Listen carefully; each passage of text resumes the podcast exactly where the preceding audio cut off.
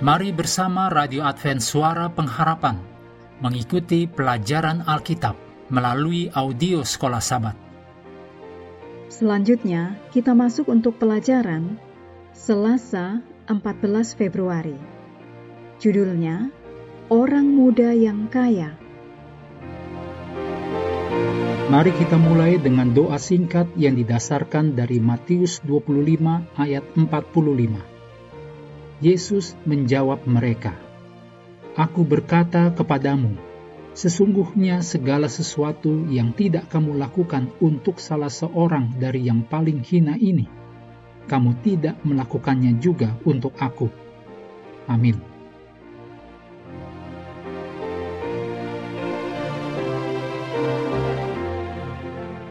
Kita tidak memiliki informasi yang cukup tentang orang muda yang kaya, selain bahwa dia masih muda seorang pemimpin dan kaya. Dia memiliki minat pada perkara-perkara rohani juga. Dia sangat bersemangat sehingga ia datang kepada Yesus. Dicatat dalam Markus 10 ayat 17. Dia sangat tertarik belajar mengenai kehidupan kekal.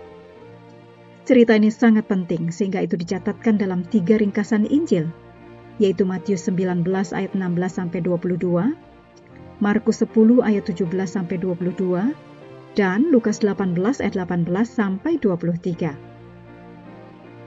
Dalam Matius 19 ayat 16 sampai 22, di ayat 21 Yesus berkata kepadanya, "Jikalau engkau hendak sempurna, pergilah, jualah segala milikmu dan berikanlah itu kepada orang-orang miskin, maka engkau akan beroleh harta di surga."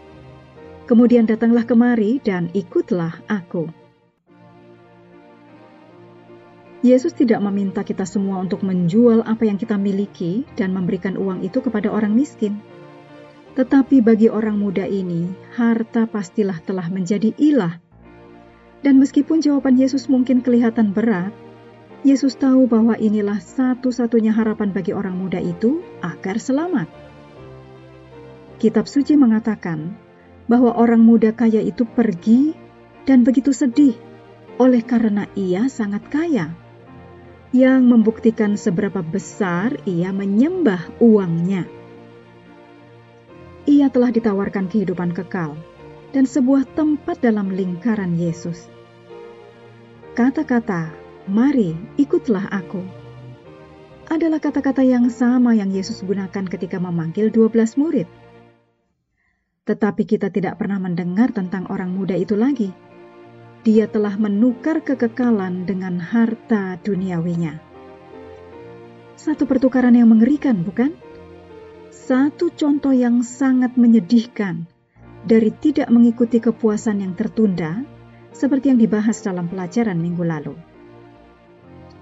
Bila kita memilih sama seperti yang dilakukan orang ini, itu merupakan satu penipuan karena seberapapun besarnya kekayaan materi yang dapat diberikan kepada kita sekarang, cepat atau lambat kita semua akan mati dan menghadapi kemungkinan kekekalan.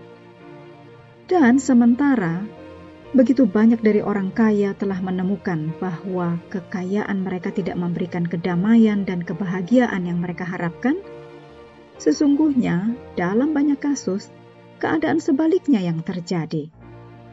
Ada begitu banyak biografi yang telah ditulis tentang betapa menyedihkannya keadaan banyak orang kaya. Faktanya, dalam seluruh catatan sejarah, satu gambaran terbaik betapa kekayaan tidak dapat memuaskan dalam dan dari kekayaan itu sendiri terdapat dalam kitab pengkhotbah. Apa pun pelajaran lain yang dapat diambil orang lain dari kitab ini, satu poin yang jelas adalah uang tidak dapat membeli kedamaian dan kebahagiaan. Markus 8 ayat 35 sampai 37 menuliskan, Karena siapa yang mau menyelamatkan nyawanya, ia akan kehilangan nyawanya.